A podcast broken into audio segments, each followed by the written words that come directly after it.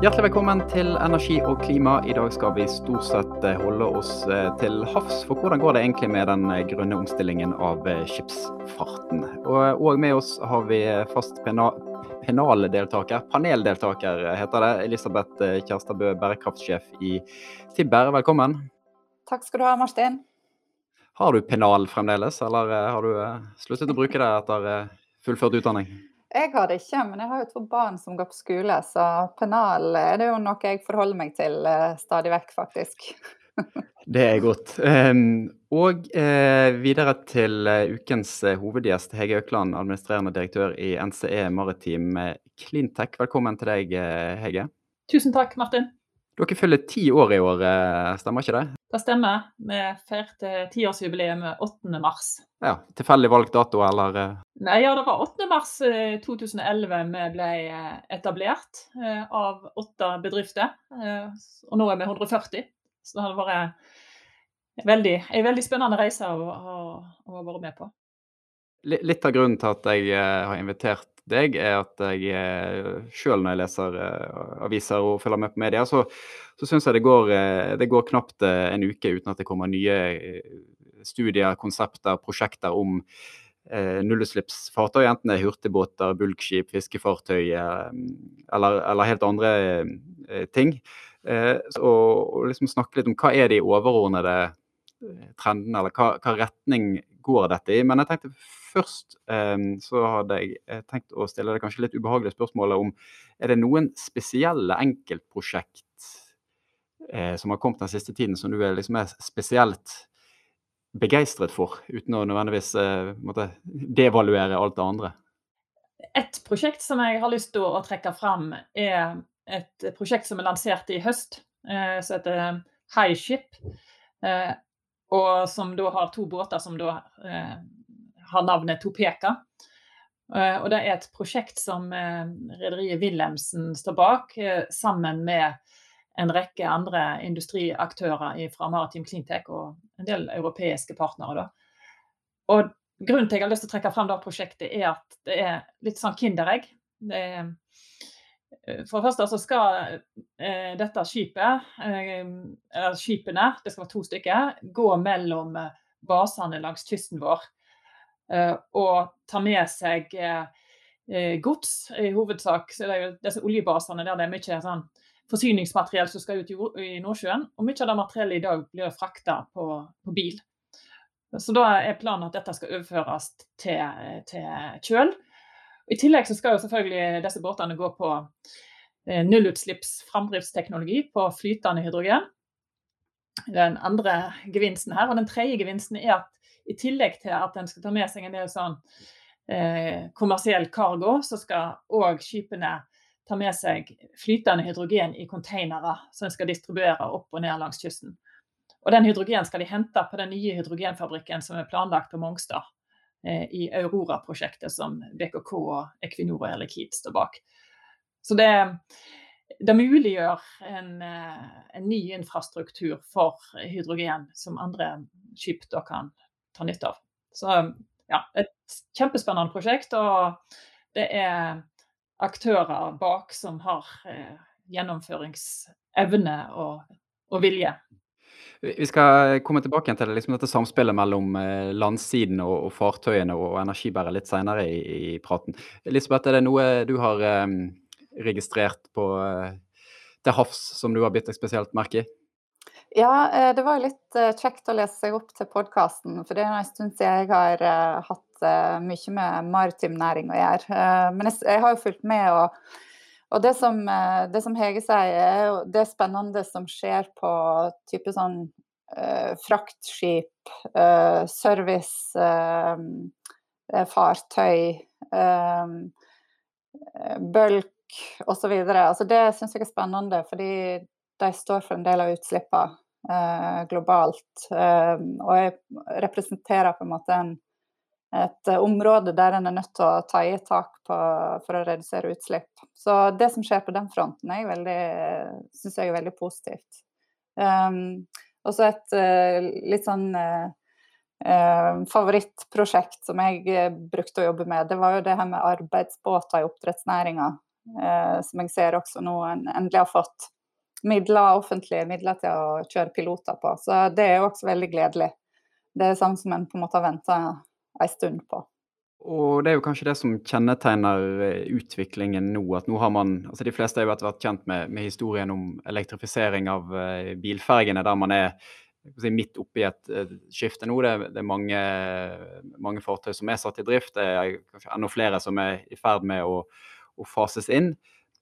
Uh, men, men, det er jeg litt nysgjerrig på, på Hege. Altså, hva er de, hva si, de neste fartøystypene som man ser nærmer seg? det si, samme akselerasjonen som man har hatt innenfor eh, bilferger? Ja, det er rett at, eh, at eh, bilfergene, der har det skjedd mye relativt raskt. Og dessverre så er ikke tempoet helt det samme når det gjelder andre fartøystyper i nærskipsfarten, da, hvis vi skal snakke om den først. Og nå har vi ni år på oss til å halvere utslippene fra innenriksflåten vår, ifølge regjeringen sin ambisjon, som, som sier at en skal kutte utslippene med 50% Og Det betyr jo at en ikke kan en måte ha det tempoet som vi har sett de siste tre-fire årene bak oss. Men det, det, er nødt til å skje noe betydelig raskere her. Og så er det mange lavthengende frukter innenfor nærskipsfarten. Elisabeth nevnte servicefartøyene til havbruk. Et klassisk eksempel på, på fartøy som kan gå elektrisk. Uh, men vi har jo òg eh, en del sånn fiskefartøy som går langs kysten vår. Og i Klynga så har vi en, eh, en leverandør av denne type fiskefartøy, et verft som heter Selfa. Og de leverer da båter med batterihybrid eller elektrisk hybridanlegg. og Eh, disse båtene eh, kan kutte da, dieselforbruket, ja, eller halvere dieselforbruket. Da. Så en kan eh, gjøre, gjøre, veldig mange tiltak her og nå. En trenger ikke sitte og vente på at teknologien skal bli klar for å kunne nå disse, disse målene. Så det er da vi jobber innstendig med å både få fram nullutslippsteknologi, men allerede i dag så er det fullt mulig å halvere utslippene for mange fartøystyper. Ja, Hege, er det sånn at um, um, Ser du at prioriteringene har endra seg? Um, er det for uh, ferje, hurtigbåter, uh, hvis du tenker nasjonale utslipp, er jo ganske langt ned på lista egentlig over, uh, over fartøy som representerer utslipp eh, nasjonalt. men kan gjerne ha et større eksportpotensial, f.eks. på teknologisida. Eh, vi har jo en del store, eh, store verft og, og, designere og på en måte hele den infrastrukturen rundt som på en måte har drevet fram den utviklinga, kanskje. Men er det blitt mer sånn, er en blitt gjerrigere på at nå må vi konsentrere oss om de fartøyene der vi kan kutte mest utslipp? Eh, nei, altså Grunnen til at vi har hatt den suksessen med ferjene, for det kan jeg jo kalle en suksess, er jo at det er offentlige kunder, eh, og som har fått et politisk pålegg om å stille krav til null- eller lavutslippsteknologi. Og nå har det jo vært en, en lang prosess i Vestland eh, fylkeskommune for at en skal eh, gjenta denne suksessen for hurtigbåtene. Så blir det jo spennende å se om en, om en lykkes med det. da. Men det som er fortrinnet med de båtene, da, både ferjer og hurtigbåter, er at de har et veldig sånn forutsigbart eh, operasjonsmønster. De går fra, i en rutetabell, og en, det er lett å estimere hva energibehov de har. Um, ja, og så Først og fremst at de er i et offentlig marked. Når det kommer til alle de andre fartøystypene, eh, så eh, må det enten være eh, krav i, i ehm, i, i, lisensen, hva heter det, i konsesjonsvilkårene, eh, f.eks. i havbruksnæringen. Eh, til at disse fartøyene skal være lav- eller nullutslippsteknologi.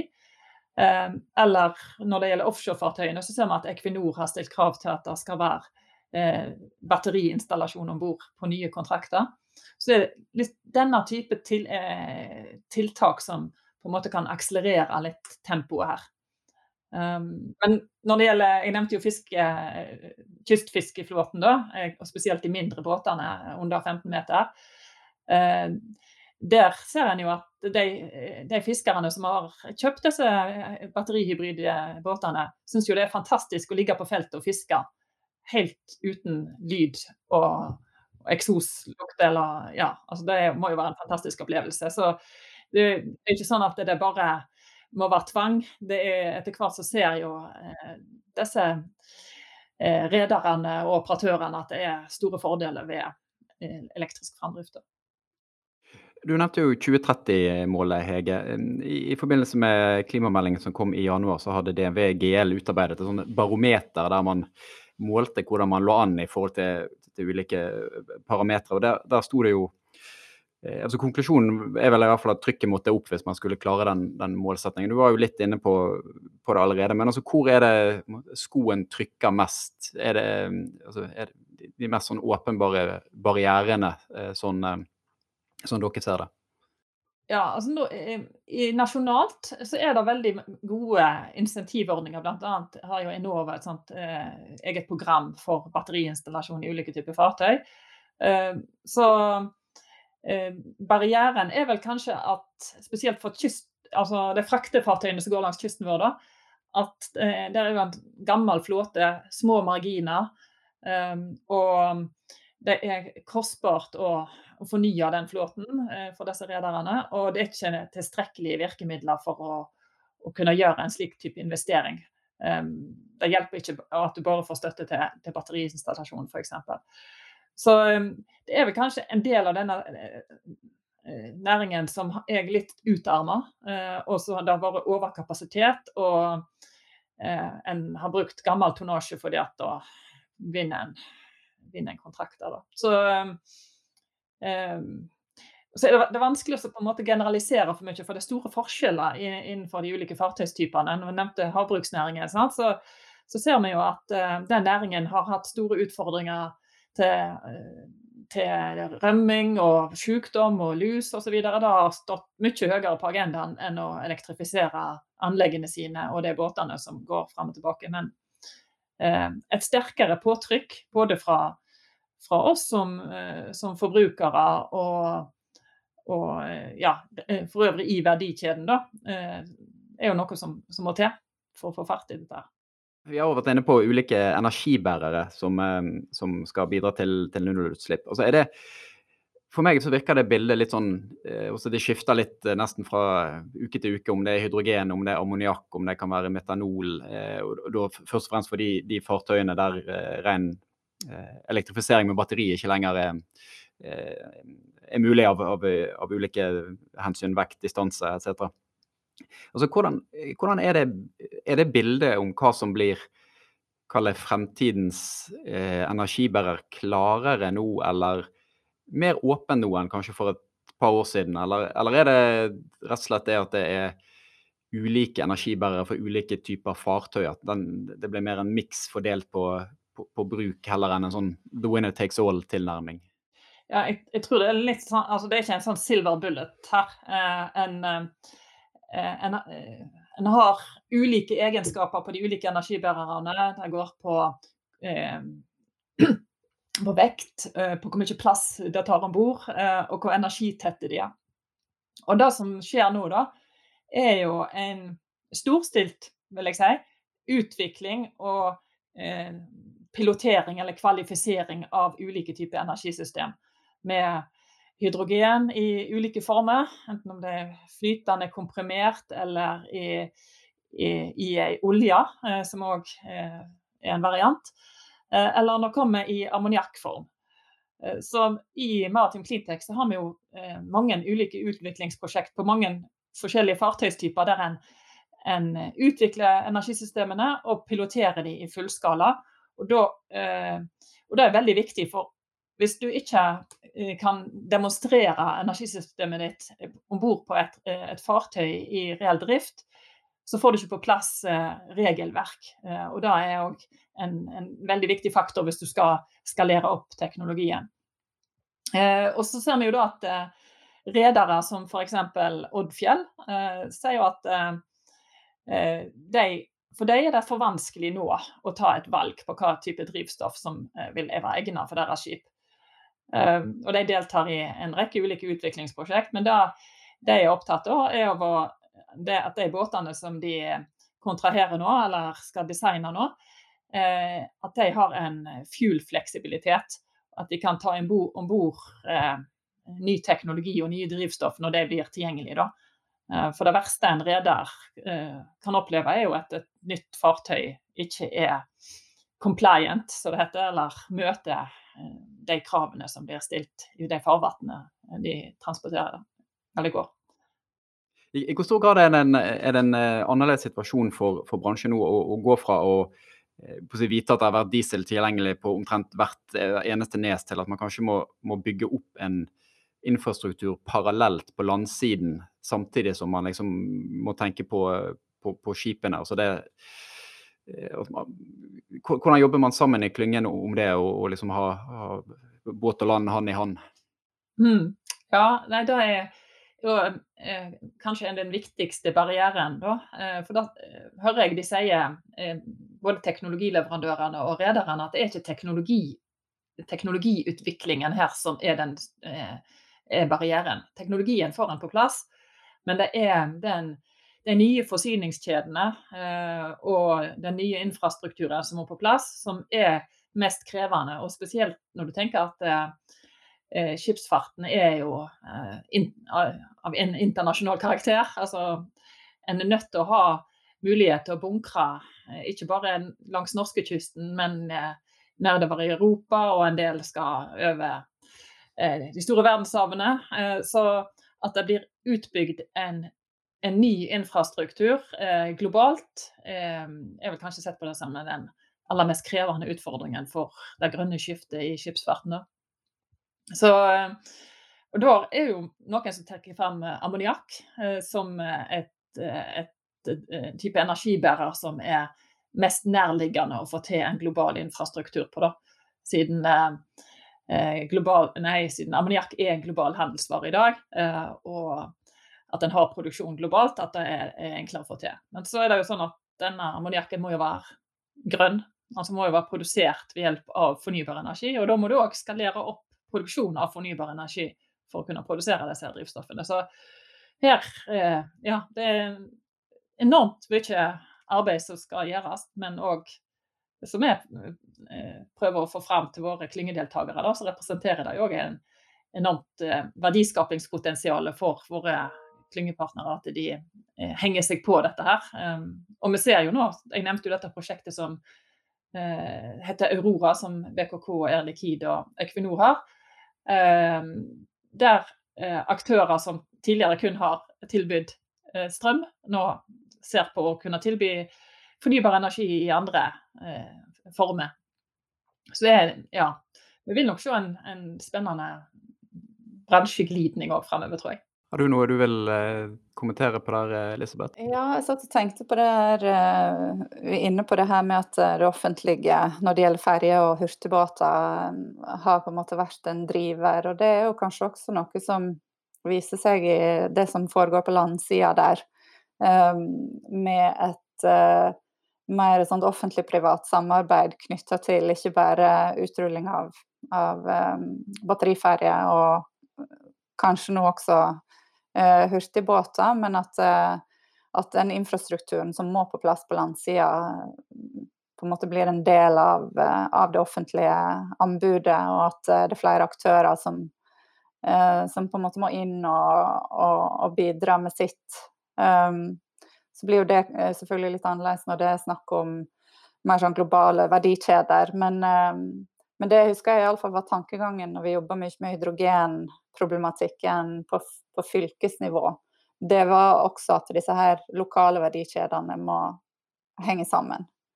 Uh, og der er jo sånn type klyngevirksomhet som, som Martin Cleantech og andre driver med, er helt sentralt for å, for å lykkes og få, få kobla de aktørene sammen.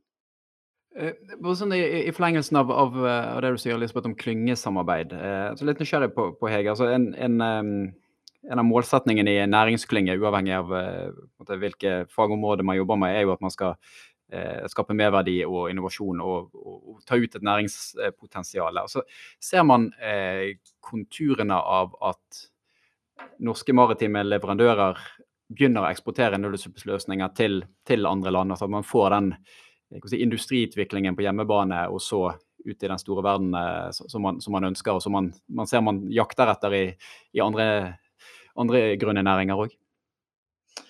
Ja, vi ser i hvert fall eh, absolutt eh, konturene av at eh, våre våre bedrifter leverer komponenter eller ulike delløsninger til eh, nullutslippsfartøy eller eh, grønne, eh, grønne, fartøy, for å kalle det for det. Um, kan nevne at vi har en, et selskap på Bømlo som heter Servogir, som leverer energieffektive propeller som uh, reduserer en, uh, ja, drivstofforbruket og dermed òg muliggjør nullutslippsløsninger. Som har ja, jeg tror de ligger på en eksportandel på 70-80 uh, Og så har vi eh, Sinus, da, et annet selskap på Bømlo, som, som, har levert landstrømsanlegg i, i, Rotterdam og i Canada. Og ja, er på full fart ute i verden. Og så nå har vi jo Corvus, som sikkert mange har hørt om, som har flytta batteriproduksjonen sin til, til Bergen. Eh, eller altså driver med sammenstilling av batteri til, til maritime eh, fartøy. Da. Og de eh, er jo etter hvert et, et, globalt selskap som leverer løsninger over hele verden. Um, og så med Brødrene Aa i Hyen, da, for litt opp i din region, Elisabeth, uh, som uh, nettopp fikk en kontrakt til å levere energieffektive katamaraner til, til Hellas. Uh, men det er ikke det vi ikke er så gode på, eh, for å si det sånn, i den norske maritime klynga, er å selge totalt konsept, et totalprodukt. Så når du spør meg, Martin, så tenker du kanskje på at vi skal levere en, en, en, en hurtigbåt eller en grønn ferje eh, komplett med alt utstyr om bord, eh, med alle disse her komponentene som jeg nevner. Og det skjer i liten grad eh, enda. Det hadde vært kjekt hvis vi hadde, hadde fått mer av det fremover. Hva, hva, tror du er årsaken til at man ikke si, tar steget helt ut og leverer komplette eh, fartøy? Ja, nei, jeg, eh, jeg, tror det er mange, eh, mange forklaringer på det. da. En forklaring er jo at båter er litt sånn at det bygges one of a kind hver gang. Altså det, er, det, ikke særlig serieproduksjon, fordi at som regel så vil ønske kunden eh, noe annet enn da eh, den forrige kunden ønsket, at det blir gjort en del tilpasninger. Um, og så ønsker gjerne òg kunden et spesielt type, en spesiell type propell, eller eh, har noen egne valg i forhold til eh, hvilken type energisystem en ønsker, eller landstrømsanlegg osv. Så, videre. så um, um, det er i stor grad markedsstyrt, men òg at uh, eh, dette her med produksjon av skrog eh, er jo noe som stort sett, sett skjer i lavkostland. Med unntak av Brødrene Aa, kanskje, og, og, Oma og Fjellstrand. Eh, men når vi snakker om litt de større fartøyene, så skjer mye av skog, eh, skogproduksjonen i, i utlandet. Og eh, så, så, det vi er gode på i den norske maritime klynga, er jo å sette sammen ulike komponenter og system og optimalisere dem. Og utvikle avansert teknologi. Og så kan det vel være såpass enkelt òg at en er litt seg sjøl nærmest. Altså hvis det er en slags, nærmest en slags eh, bransjestandard å kjøre på aluminiumsskrog, så, så, så, er det faktisk en barriere å å tenke alternative teknologier eller alternative materiell um, i, i de, de landene det er snakk om å eventuelt eksportere til. Det kan være regelverk uh, og den slags også som hindrer at en på en måte kan komme med en total leveranse. Um, mm. Ehm. Det er jo F.eks. i USA så har du jo eh, Jones Act, ja. som krever local content. Uh, så, så, da er det, er det jo heldig hvis du kan komme deg inn med ja, eh, en, en, del komponenter. Mm. Eh, da ser vi det er veldig mange eh, mm. land som er ganske proteksjonistiske der ute i verden. som ja. ja. det var nettopp den jeg tenkte på. Jeg var i, i Washington DC og skulle snakke om om hydrogen. De var veldig interessert i hvordan vi hadde jobba i et sånt type privat-offentlig samarbeid på det med hydrogen. Framdrift i hurtigbåter. Eh, og reiste en delegasjon over. og det er, det er, mye det det går i. Altså at, at en har en del sånn proteksjonistisk regelverk som rett og slett hindrer utenlandske aktører i å komme inn. men men de var, de var, veldig interessert i akkurat det der hvordan vi eh, løste det med markedsutvikling og samarbeid offentlig-privat. Så det var på en måte andre ting som sto i fokus. Hvis vi skifter litt, eh, litt uh, fokus, vi òg, holdt jeg på å si. Skipsfart er jo en av de aller, aller mest, kanskje den mest internasjonale næringen. Altså, mye av konseptet er at det krysser, krysser hav mellom kontinenter altså IMO, som er, som er, den internasjonale sjøfartsorganisasjonen, har en ambisjon om å kutte utslippene med 50% frem til 2050. Eh, det norske rederiforbundet ønsker å være karbonnøytrale i, i 2050. Altså, hva går det internasjonale arbeidet Stille spørsmål om det går raskt nok, det er jo for så vidt et spørsmål man sikkert kan, kan uh, si nei til på, på, på direkten. Men, men uh, hva, hva, er din vurdering av uh, det globale omstillingstempoet, Hege? Eh, altså, IMO er jo den, den, viktigste premissleverandøren for å få ned utslippene for skipsfarten globalt. Og eh, dessverre så, så, går det nok ikke raskt nok med, med, IMO, selv om det har skjedd veldig mye der de senere årene. Og en som har en, en stor del av den fortjenesten for det, er jo Sveinung eh, Oftedal, som jobber i Klima- og miljødepartementet, som har ledet forhandlingsdelegasjonen og fikk i havn eh, akkurat eh, den ambisjonen om å, å halvere utslippene fram til 2050. Og som nå jobber med, med delmål framover, bl.a. å få innført sånne energiindekser som òg skal gjelde eh, eksisterende flåte, og ikke bare nye skip. Da. Så eh, blir jo IMO da utfordra av EU, eh, som ikke har helt tålmodighet med, med dette arbeidet deres, med bl.a. i forhold til en CO2-avgift.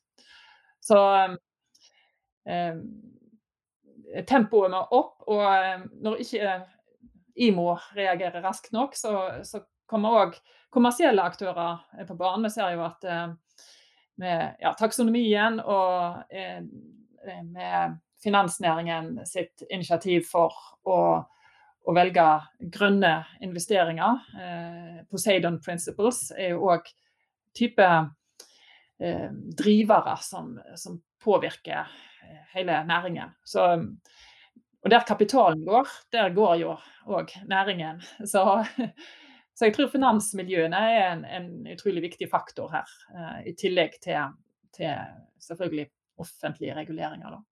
Finansielt instrument er jo òg eh, klimakvoter, der man i EU nå diskuterer eh, om, eh, om næringen skal, maritim næring skal, skal, inn i kvotepliktig sektor. Så tror du det mm, Ville, ville det blitt konkurransevridende eh, til fordel for skipsfartsnasjoner som ikke er en del av EU? Altså, det, det europeiske kvotemarkedet omfatter jo bare en, en del av en, en, global næring i så fall. Og, og kanskje litt av problemet her er jo at det er ingen land som si, gåsøgne eier utslipp fra, fra internasjonal skipsfart? Ja, eh, det er jo et, et, viktig poeng det der at eh, skipsfarten er internasjonal, og at en fort kan få noen sånne uheldige effekter ved at skip bunkrer i land uten CO2-avgifter f.eks. Eh, eller at eh, trafikken flyttes. Eh, men samtidig så, så har en jo egentlig ikke noe valg her. En må jo en, hvis en skal nå eh, Parisavtalen og, og, få ned temperaturen på jordkloden, så, så Eller i hvert fall kunne bremse den eh, utviklingen som, som forskerne eh, peker på, så, så må òg skipsfarten ta sin del av ansvaret for å, å redusere sine utslipp. Og eh, som sagt, hvis da ikke IMO klarer å få på plass en global avgift, så, så tror jeg at eh, en, eh, å få inn skipsfarten i, det europeiske kvotesystemet kan være et, et, godt verktøy for å pushe IMO litt raskere i gang. Da. Og så tror jeg det er viktig for Norge òg at vi eh, Nå har jo regjeringen foreslått eh, å, å, legge CO2-avgiften på 2000 kroner tonnet, eh, som er nok eh, det er jo ambisiøst. Og i Maritim Cleantech så støtter vi en opptrapping av CO2-avgiften. Men vi ser det jo som best, mest formålstjenlig at en harmoniserer seg med EU og nabolandene, nettopp for å unngå at en, en driver og forflytter skip, og at skipene drar lange avstander for å bunkre. Eh, og det er i hvert fall ikke optimalt for klimaet.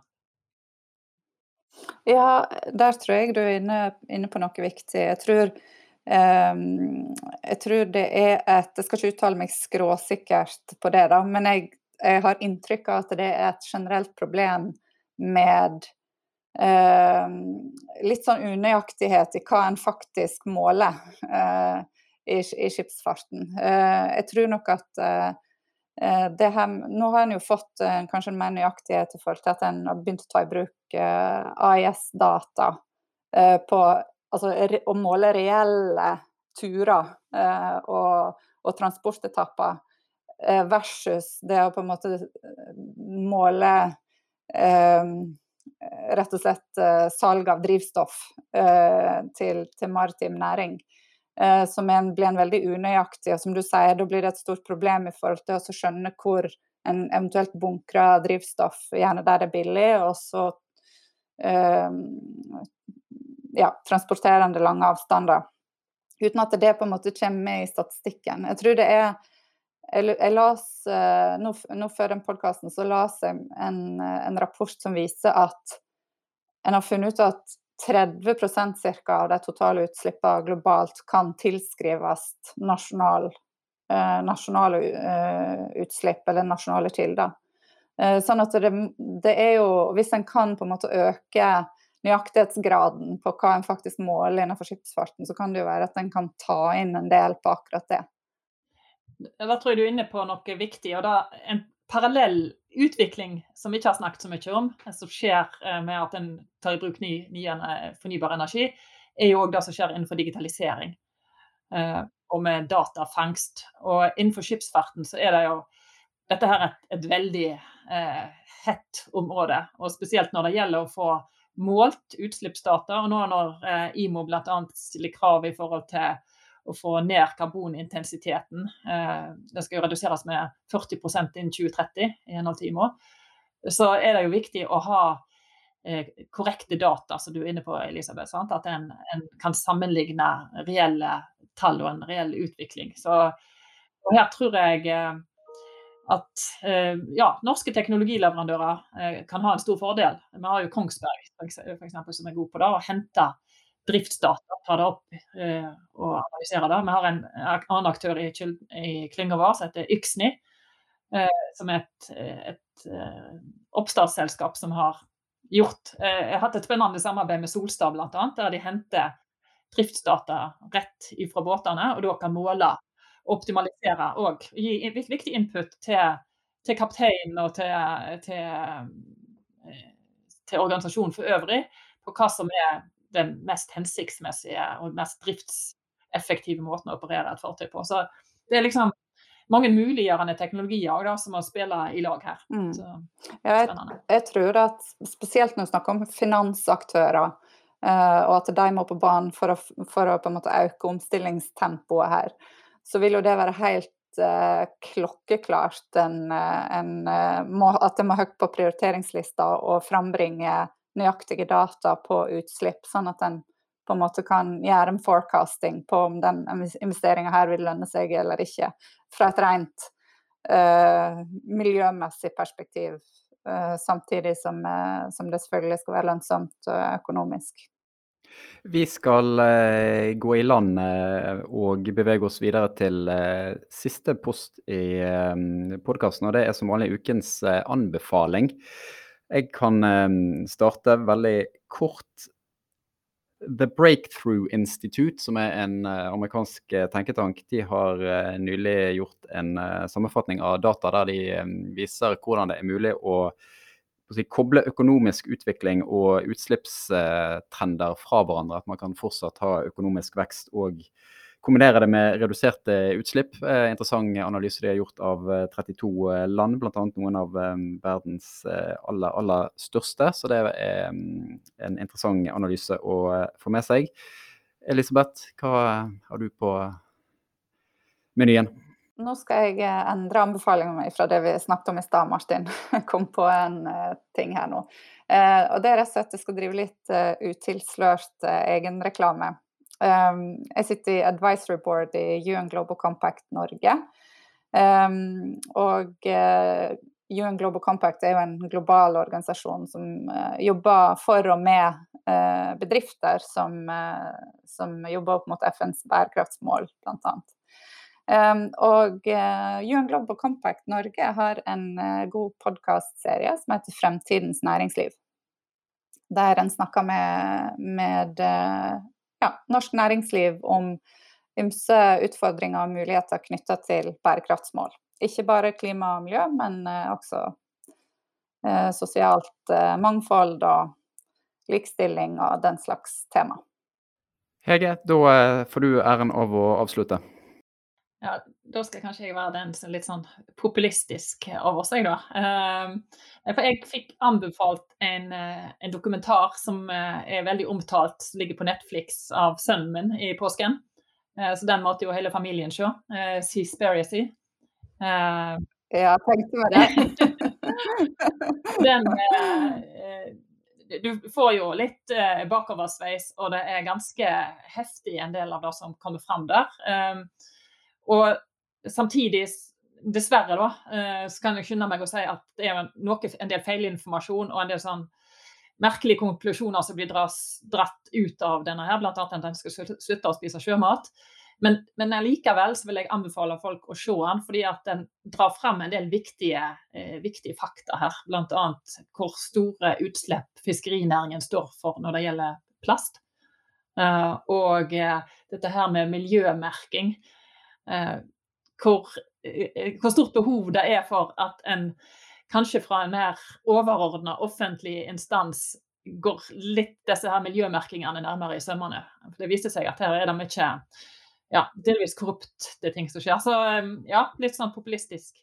Tusen takk Hege og Elisabeth for at uh, dere var med. Tusen takk til deg som har hørt på. Vi er tilbake med nye episoder av Energi og klima neste